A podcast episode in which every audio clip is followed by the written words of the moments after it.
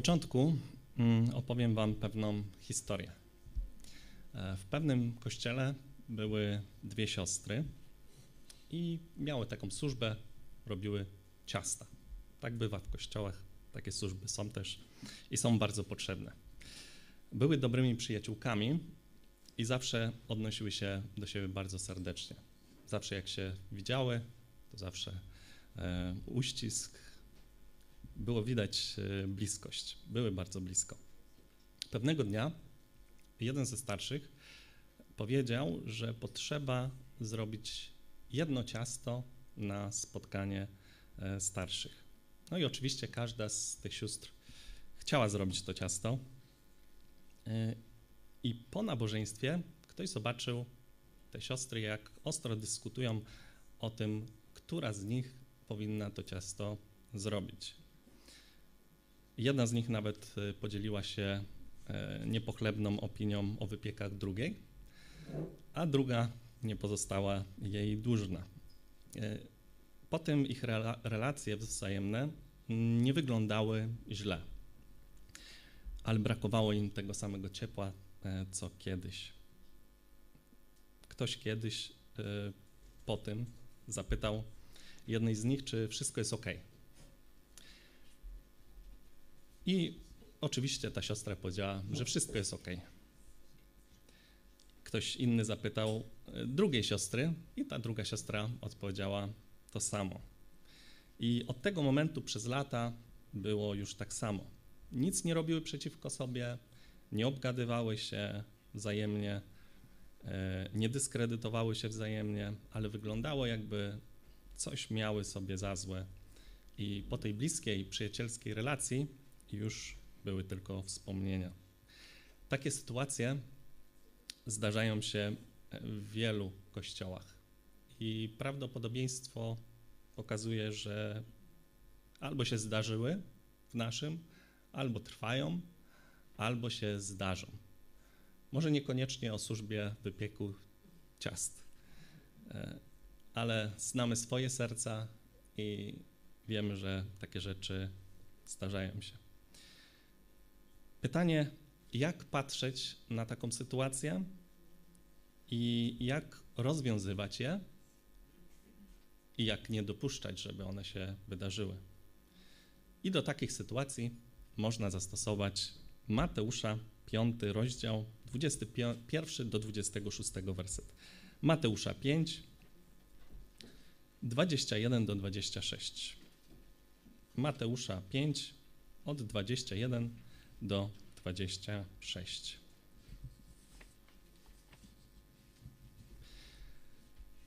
Mateusza 5 od 21 do 26. Słyszeliście, iż powiedziano przodkom: Nie będziesz zabijał, a kto by zabił, pójdzie pod sąd. A ja wam powiadam, że każdy, kto się gniewa na brata swego, pójdzie pod sąd, a każdy, kto by rzekł bratu swemu racha, stanie przed Radą Najwyższą, a kto by rzekł głupcze, pójdzie w ogień piekielny.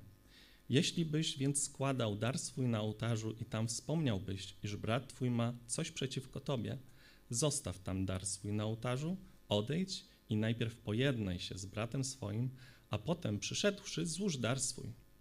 Pogódź się rychło z przeciwnikiem swoim, póki jesteś z nim w drodze, aby cię przeciwnik nie podał sędziemu, a sędzia słudze i abyś nie został wtrącony do więzienia. Zaprawdę powiadam ci, nie wyjdziesz stamtąd, aż oddasz ostatni grosz.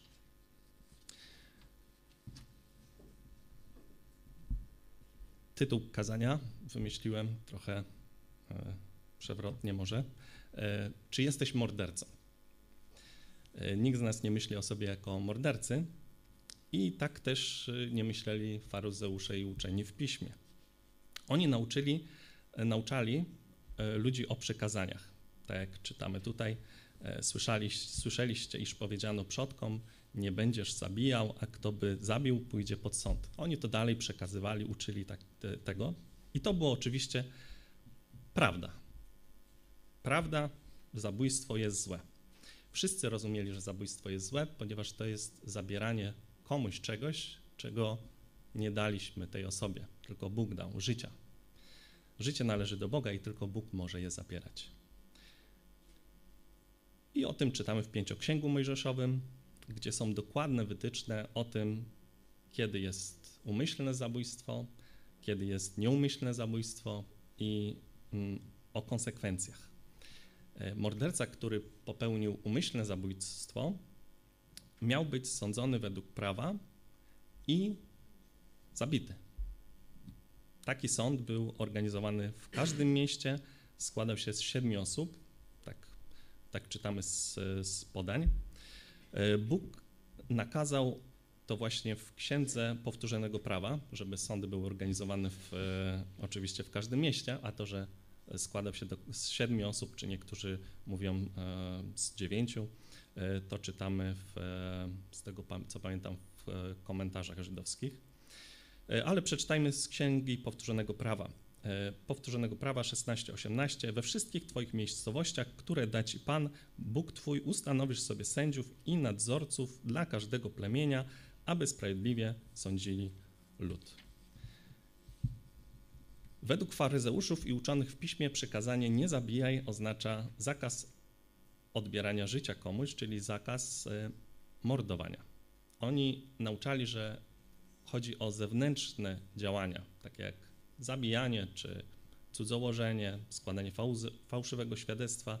Oni uczyli, że takie rzeczy nie podobają się Bogu i takich rzeczy tyczą, tyczą się przykazania. I oczywiście nie robili tych rzeczy.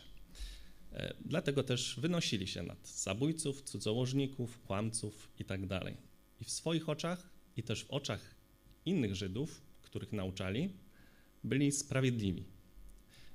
Śpiewaliśmy z psalmu pierwszego E, pieśń przed chwilą, oni myśleli o sobie o tych, jako o tych sprawiedliwych, a reszta, którzy, którzy łamią przykazania, o nich myśleli jako o tych bezbożnych. Jednak Jezus powiedział, że taka sprawiedliwość, czyli przestrzeganie tych dziesięciu przykazań, nie mordowanie, nie kłamanie, nie, e, nie cudzołożenie, e, nie wystarczy, żeby wejść do Królestwa niebios. W 20 wersecie powiedział: Jeśli sprawiedliwość wasza nie będzie obfitsza niż sprawiedliwość uczonych w piśmie i faryzeuszów, nie wejdziecie do królestwa niebios. I od tego zaczął wyjaśnianie kwestii przykazań. I powiedział tak: A ja wam powiadam, że każdy, kto się gniewa na brata swego, pójdzie pod sąd, a kto by rzekł bratu swemu racha, stanie przed Radą Najwyższą, a kto by rzekł że głupcze pójdzie w ogień piekielny. Jezus wytłumaczył głębiej, czym są te przykazania, jakie mają znaczenie i nie ograniczył się tylko do zewnętrznych czynów, co robili e, faryzeusze, ograniczali się do zewnętrznych czynów i uczeni w piśmie też. Czym jest gniew? To pełna pasji, aktywna, moralna reakcja całej osoby na postrzegane zło lub niesprawiedliwość. Jezus powiedział, że gniew, tak opisany, zasługuje na tę samą karę, co zabójstwo. Na początek oczywiście rodzą się pytania na początku, to jak to jest z tym gniewem, czy jest sprawiedliwy, niesprawiedliwy, który gniew jest sprawiedliwy, który niesprawiedliwy, więc y, faktycznie jest coś takiego jak gniew sprawiedliwy. Y, przejawy takiego gniewu sprawiedliwego możemy zobaczyć oczywiście w życiu naszego Pana. E, w Marka 3:5 czytamy o Jezusie i spojrzał na nich z gniewem, zasmucił się z powodu zatwardziałości ich serca. Czyli widać, że Jezus e, gniewał się. I to był gniew sprawiedliwy. Innym przykładem jest Boża stała postawa względem bezbożnego. Z psalmu 7:11 Bóg jest sędzią sprawiedliwym, Bóg codziennie gniewa się na bezbożnego. Codziennie gniewa się na bezbożnego. Albo w Jana 3:36 Kto wierzy w Syna ma żywot wieczny, kto zaś nie słucha Syna nie ujrzy żywota, lecz gniew Boży ciąży na nim. To jest sprawiedliwy gniew. I u ludzi sprawiedliwy gniew e, jest reakcją na zło dokonane przeciwko Bogu lub przeciwko, lub i przeciwko innemu człowiekowi i jest skupiony na Bożej chwale i dobru człowieka. W naszym życiu przykładami takiego gniewu może być gniew wobec e, zabijania dzieci w łonie matki, wobec niesprawiedliwości, gwałtu, kłamstwa, kradzieży i wszystkich złych rzeczy, które ludzie robią przeciwko Bogu i sobie nawzajem. I powinniśmy być przeciwni tym grzechom dla dobra Bożej chwały i dla dobra ludzi. Powinniśmy chcieć, żeby znikły z powierzchni ziemi, powinniśmy chcieć przynajmniej chociaż, żeby były ukarane.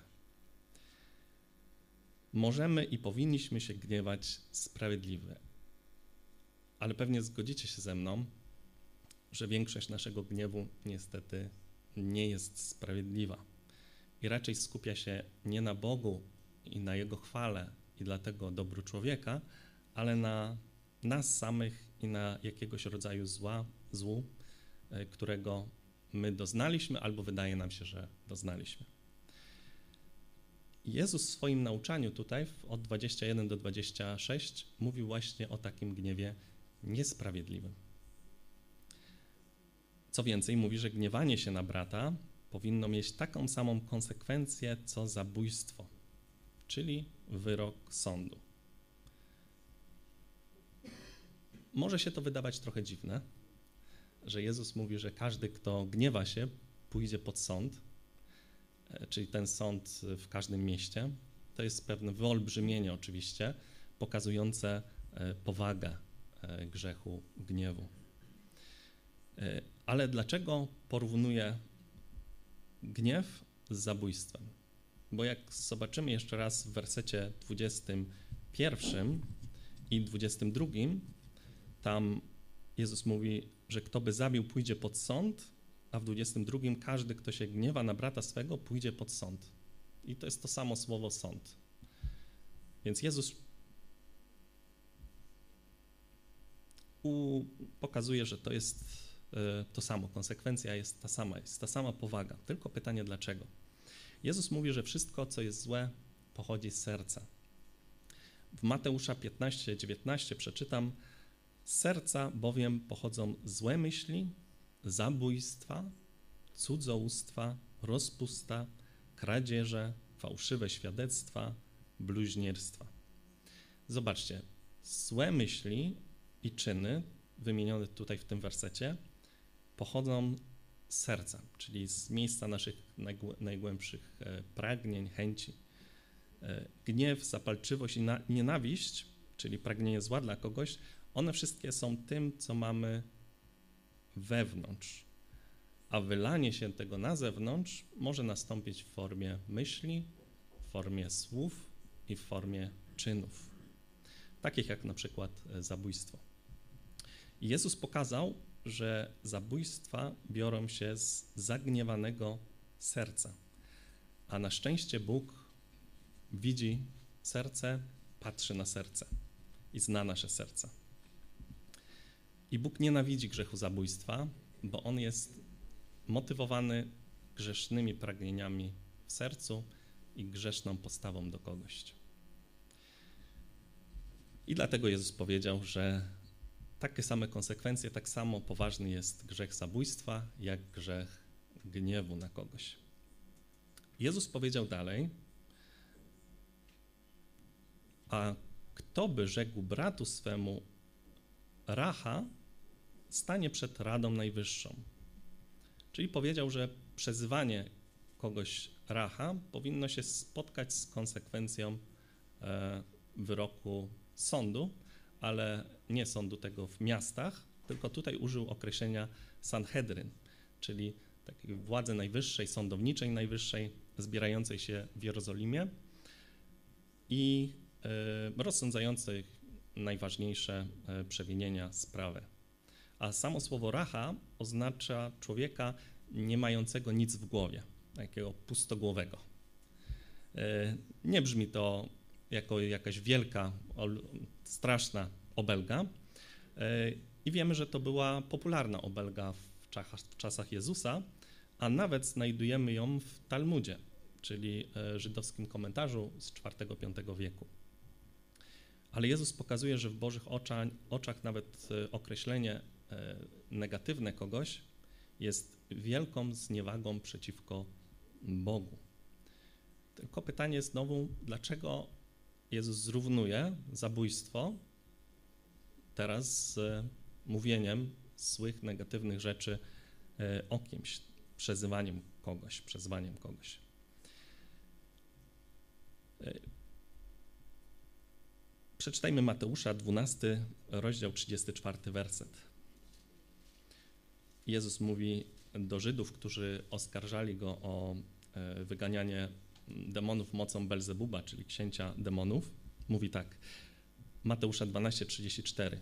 Plemiona żmijowe, jakże możecie mówić dobrze, będąc złymi?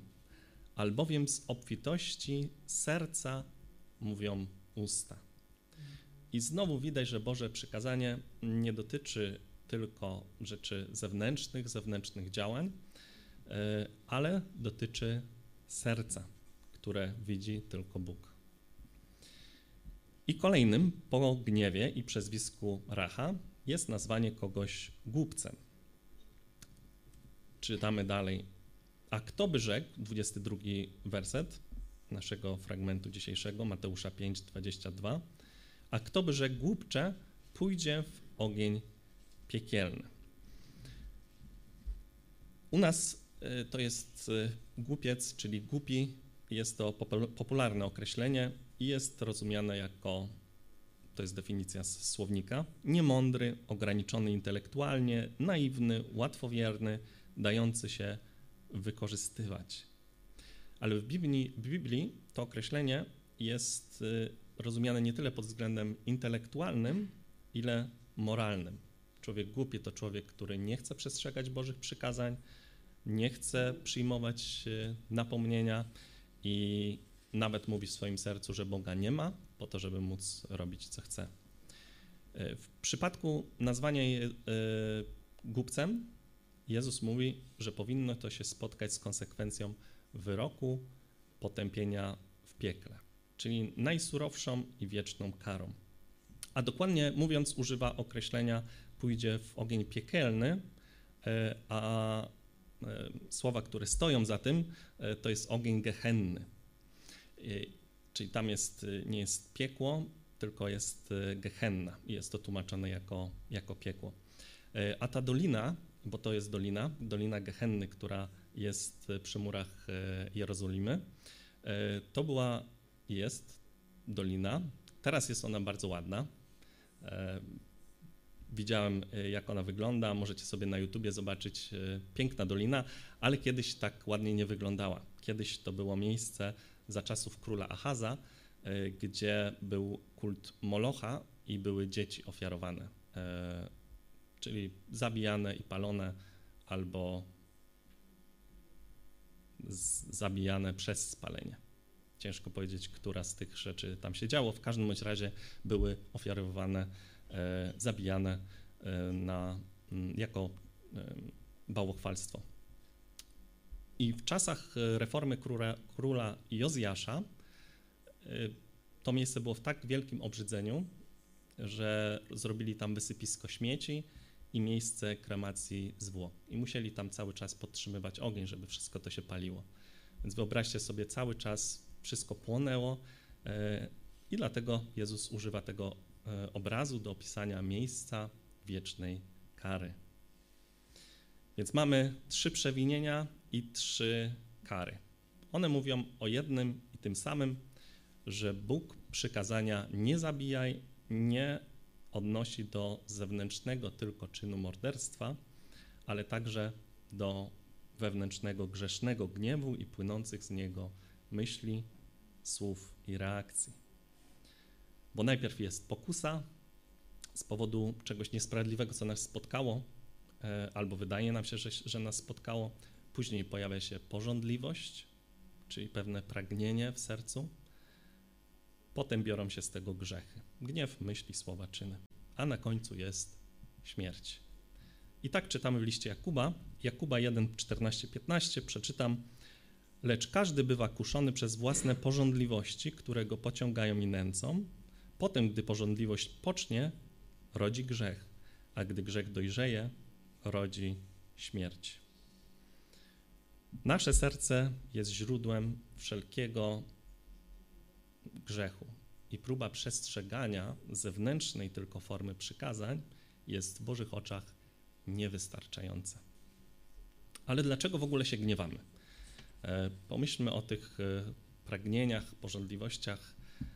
To jest pierwsze pytanie, jakie powinniśmy sobie zadać. Kiedy wybuchliśmy gniewem albo przez jakiś dłuższy czas gniewamy się na kogoś, to powinniśmy sobie zadać pytanie, dlaczego? Dlaczego zareagowaliśmy gniewem albo dlaczego gniewamy, jesteśmy zagniewani na kogoś? Pomyśl w ostatnim czasie, kiedy gniewałeś się na kogoś, e, a może teraz nadal e, gniewasz się na kogoś, pomyśl, dlaczego dotknęło cię to, co zrobiła ta osoba, dlaczego może potraktowało, dlaczego dotknęło cię to, że potraktowała cię może źle, mm, może dlatego, że uważasz, że nie zasługujesz na to, na takie traktowanie, że ta osoba umniejsza temu, jak wysoko myślisz o sobie. Skupienie na własnej postrzeganej wartości, skupienie się jest pychą, a gniew jest często rezultatem tej pychy. I dużo z naszego gniewu właśnie bierze się z tego, że wydaje nam się, albo faktycznie tak było, że ludzie nie okazali nam szacunku, jaki, na jaki uważamy, że zasługujemy, albo e, jak chodzi o rodzinę, małżeństwo, rodzicielstwo, miłości, jaką uważamy, że, na jaką uważamy, że zasługujemy. E, innym przykładem może być gniew, kiedy reagujemy, kiedy ktoś nam zajedzie drogę, kiedy jedziemy samochodem. I wtedy też z tego płyną pewne słowa, negatywne określenia. E, ale pytanie dlaczego? Dlaczego nas gniewa to, jak ktoś inny jedzie na drodze? E, na pewno nie uważamy wtedy, że dużo gorzej jeździmy od tej osoby, prawda? Czyli powodowane jest to znowu pychą. Jeżeli ktoś nam zajedzie drogę, e, to może być to też powodowane miłością do siebie, czyli troską o samochód. Ale jeżeli pojawia się gniew, to raczej to jest gniew niesprawiedliwy i to widzimy na skrzyżowaniach i, i na drodze mm, bardzo często. I nie wiem, czy ktoś z nas jest tutaj, kto jeździ samochodem, a nigdy nie był e, winny właśnie takiemu gniewu. Albo kiedy dzieci są nieposłuszne, albo zniszczą nam coś wartościowego w domu, w gniewie chcemy coś zrobić. W gniewie ukarać, w gniewie podnieść głos, a nawet może nazwać w jakiś sposób. Czyli w gruncie rzeczy gniew i towarzyszące mu myśli, e, słowa, zachowania są rezultatem naszego bałwochwalstwa, bo zależy nam na czymś bardziej niż na Chrystusie i na posłuszeństwie Jemu. Jak widać, gniew jest sprawą serca Jezus traktuje ją bardzo poważnie. Ale ze względu na to, że serca nas często zwodzą, podam kilka popularnych usprawiedliwień dla gniewu i wszystkiego, co oczywiście z gniewu pochodzi.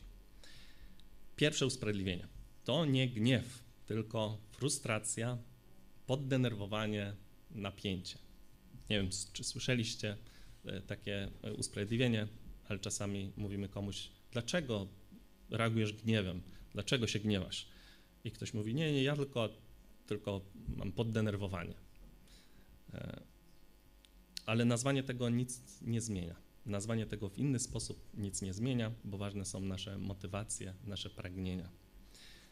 E, drugie usprawiedliwienie to jego lub jej wina, to on lub ona mnie zdenerwowała.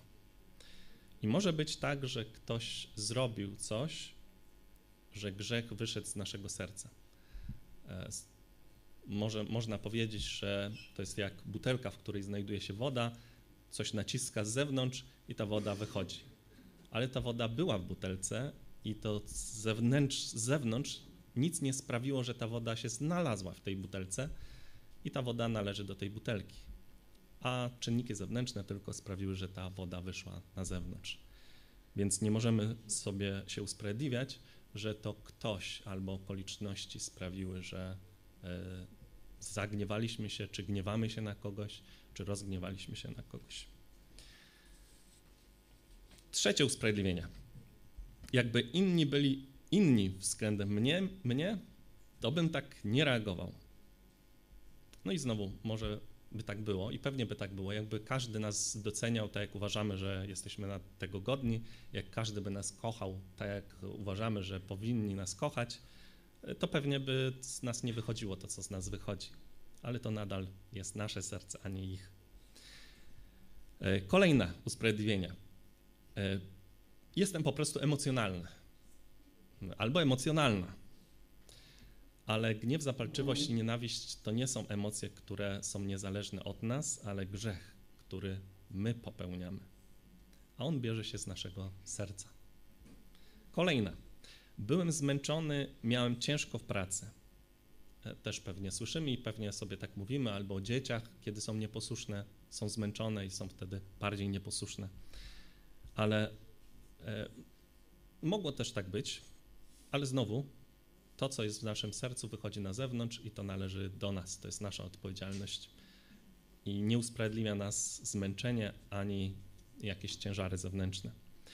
I ostatnie usprawiedliwienie, ale ja naprawdę mam rację.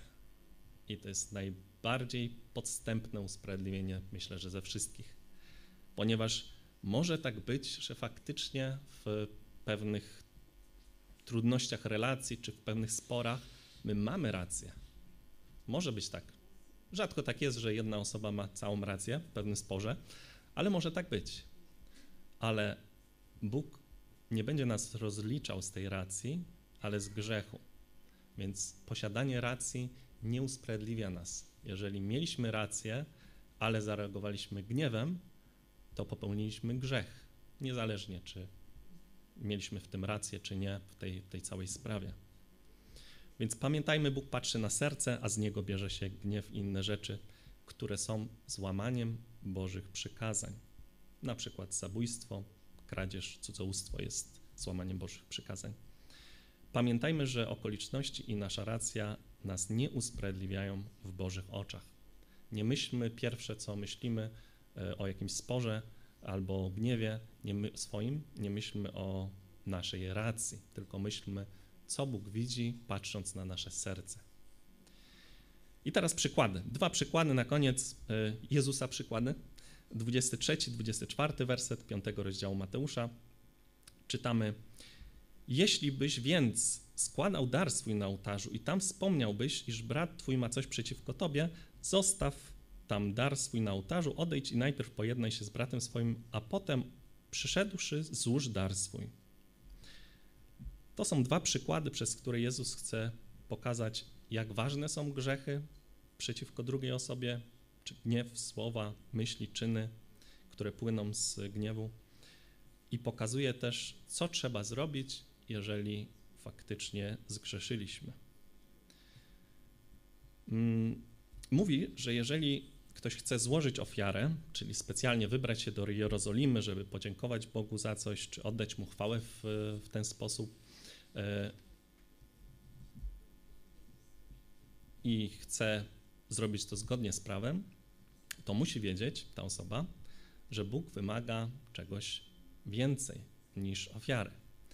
Jeżeli zgrzeszył ta osoba przeciwko komuś i przypomni sobie to podczas składania ofiary, to musi przestać składać ofiarę, zostawić ją tam, wybrać się w drogę powrotną z Jerozolimy, a wiecie, to ta osoba mogła mieszkać, może mieszkać w różnych rejonach Izraela i pojednać się z osobą, wobec której, e, czy która ma coś do, do niej. Wydaje się to e, śmieszna sytuacja, bo ta osoba jeszcze później musi wrócić do Jerozolimy i dokończyć składanie ofiary. Więc wydaje się to dosyć śmieszna sytuacja, e, którą przedstawił Jezus, ale znowu Jezus pokazuje pewne wyolbrzymienie, żeby pokazać, jak jest e, poważny grzech i jakie jest ważne pojednanie. Zostaw swój dar na ołtarzu pokazuje, że ta ofiara ma być przerwana, czyli niedokończona, a później Jezus mówi, e, a potem przyszedłszy z powrotem, złóż dar swój. Czyli parę dni do Jerozolimy, później parę dni z Jerozolimy, pojednanie i później znowu parę dni pewnie do Jerozolimy. Pamiętamy, nie było e, pociągów, nie było samolotów, więc to trwało dosyć długo. Powaga sytuacji jest bardzo duża. Jezus mówi, że ważniejsze jest to pojednanie. I tak jak w historii, którą powiedziałem we wstępie, w kościołach zdarza się, że są poróżnione osoby, ale jednak oddają Bogu cześć, myślą, że oddają w modlitwie, czytaniu Biblii czy różnych kościelnych służbach, tak jakby nic się nigdy nie stało. I podejrzewam, że znacie takie przypadki, że są poróżnione osoby, wiemy, że coś tam jest między nimi nie tak, a jednak żyją jakby wszystko było ok. Ja słyszałem, e, widziałem takie przypadki i czasami mówimy takiej osobie, E, widzę, że coś jest nie tak e, między tobą a tą drugą osobą, ale słyszymy odpowiedź: Ja nic nie mam do tej osoby. To jest problem tej drugiej osoby. I te osoby myślą, że uwielbienie prywatne w domu, jak i zbiorowe przed e, całym zborem, czy razem z całym zborem, Bóg przyjmuje. Ale Jezus, który dał to prawo, mówi, że Bóg nie przyjmuje takiego, e, takiej czci. On mówi, że jeśli jesteś poróżniony z kimś, to twoje uwielbienie, czynności religijne nie będą przyjęte, bo Bogu bardziej zależy na pojednaniu, bardziej niż na tym, tych zewnętrznych religijnych aktach. E, w Samuela 15, 22, 23 czytamy: Posłuszeństwo lepsze jest niż ofiara, a ważne, uważne słuchanie lepsze niż tłuszcz barani, gdyż nieposłuszeństwo jest takim samym grzechem jak czary, a krnąbrność jak bałwochwalstwo i oddawanie czci obrazom. Albo inaczej można powiedzieć, Bogu zależy na oddawaniu czci bez gniewu i bez swarów. W 1 Tymoteusza 2,8 czytamy: Chcę tedy, aby mężczyźni modlili się na każdym miejscu, wznosząc czyste ręce, bez gniewu i bez swarów. I niektórzy myślą, że skoro ja nie mam nic do kogoś, to wszystko jest ok. Ale Jezus mówi, że jeżeli przypomnisz sobie, że ktoś ma coś do ciebie, każdemu z nas zdarza się gniew i myśli słowa, E, czy czyny wynikające z niego, ale naszą odpowiedzialnością jest, żeby prosić o przebaczenie za własne grzechy i pojednać się z tą drugą osobą, nawet jeżeli ta osoba nie wyciąga ręki pierwsza. Jezus podaje też drugi przykład. Y, robi to, żeby wyjaśnić to samo, czyli co trzeba zrobić, y, kiedy zgrzeszymy względem drugiej osoby, ale też mówi o konsekwencjach niepojednania. Przeczytajmy 25 do 26, ostatnie dwa wersety. Pokłóć się rychło z przeciwnikiem swoim, póki jesteś w, z nim w drodze, aby cię przeciwnik nie podał sędziemu, a sędzia słudze i abyś nie został wtrącony do więzienia. Zaprawdę powiadam ci, nie wyjdziesz stamtąd, aż oddasz ostatni grosz. I oczywiście nie będę mówił tutaj o, o, o wymysłach e, na przykład katolickich, E, gdzie jest to podawane jako przykład, jako e, argument na jak się nazywało to miejsce nieprawdziwe? Czyściec, właśnie, czyściec. Jezus mówi o pozwaniu kogoś do sądu, że ktoś został pozwany do sądu i według rzymskiego prawda, prawa oskarżyciel mógł przynieść ze sobą, przyprowadzić ze sobą tą osobę, którą oskarża. I dopóki szli do sądu, oskarżony mógł pogodzić się z tym, z tą osobą oskarżającą. Ale po tym czasie, kiedy już doszli do sędziego, nie było już takiej możliwości. Kiedy dotarli, sprawa była rozsądzona i ten, który e, zawinił, e, został skazany i, i musiał e, konsekwencje przejść albo oddać to, co był winny, albo zadośćuczynić, aż do ostatniego grosza, czyli do bardzo, bardzo małej monety e, rzymskiej.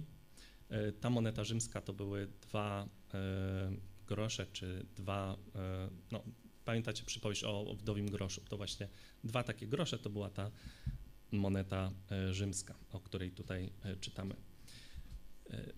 I ten przykład mówi też o potrzebie pojednania szybkiego, ale podaje też nieuchronność kary. Mówi o nieuchronności kary.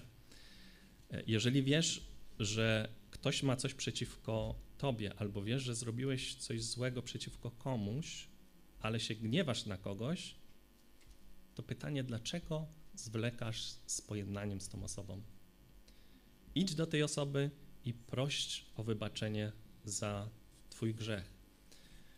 Może Twój grzech nie był powodem, on może nie spowodował tej sytuacji, może nie jest y, głównym e, źródłem tego konfliktu, ale jeżeli zgrzeszyłeś, zgrzeszyłaś przeciwko tej osobie w czymś, w gniewie, w myślach, słowach, e, to jesteś odpowiedzialny za swoje myśli, postawę, pragnienia, słowa czy uczynki. I zrób wszystko, co w Twojej mocy, żeby szybko pojednać się z tą osobą, szczególnie jak ta osoba jest wierząca.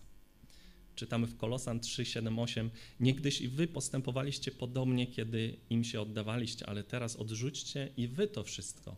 Gniew, zapalczywość, złość, bluźnierstwo i nieprzyzwoite słowa z ust waszych. Jeżeli zgrzeszyłeś w czymś przeciwko komuś, nawet jeśli to nie jest, tak jak mówiłem, główna kwestia sporna, a nie chcesz przyznać się do grzechu i prosić o przebaczenie, to czy w ogóle możesz nazywać się wierzącym? E, Jan napisał w 1 Jana 1,10 Jeśli mówimy, że nie zgrzeszyliśmy, kłamce z Niego robimy i nie ma w nas słowa Jego. Jeżeli wiesz, że Jezus cierpiał Boży gniew, jeżeli wiesz, że Jezus umarł za Twoje grzechy, to nie będziesz chował tego grzechu, ale będziesz wyznawał go i będziesz szukał pojednania z bratem lub siostrą, bo Twoje pojednanie E, za Twoje pojednanie Jezus zapłacił ogromną karę, nieskończoną karę, nieskończoną cenę. I ciągle nadal się wstawia Jezus za Tobą. Jeżeli jednak nie przyznajesz się i nie szukasz pojednania, to pytanie właśnie, czy znasz Chrystusa w ogóle? Czy może jest Tobą tak jak z faryseuszami, z uczonymi w piśmie, że próbujesz zachowywać zewnętrzną formę prawa i uważasz, że wszystko jest z Tobą ok, bo nie zabiłeś w końcu. Jeżeli tak, to wiedz, że czeka cię sąd i kara ognia piekielnego. Nie dlatego, że zgrzeszyłeś, bo każdy z nas jest winny wielu grzechów, ale dlatego, że pokazujesz, że trzymając się tego grzechu, nie pokutując, nie upamiętując się z niego, pokazujesz po drodze swojego życia, że nie jesteś wierzącym nie jesteś przemieniony, nie masz nowego serca, z którego wychodzi wyznanie, pragnienie pojednania. Ale póki żyjesz, jest jeszcze czas. Nawróć się. Zrozum, że Twoje życie pokazuje, że jesteś bałwochwalcą i pomyśl o wielkiej łasce, którą Jezus okazuje tym, którzy się upamiętają i którzy e, zaufają Jemu.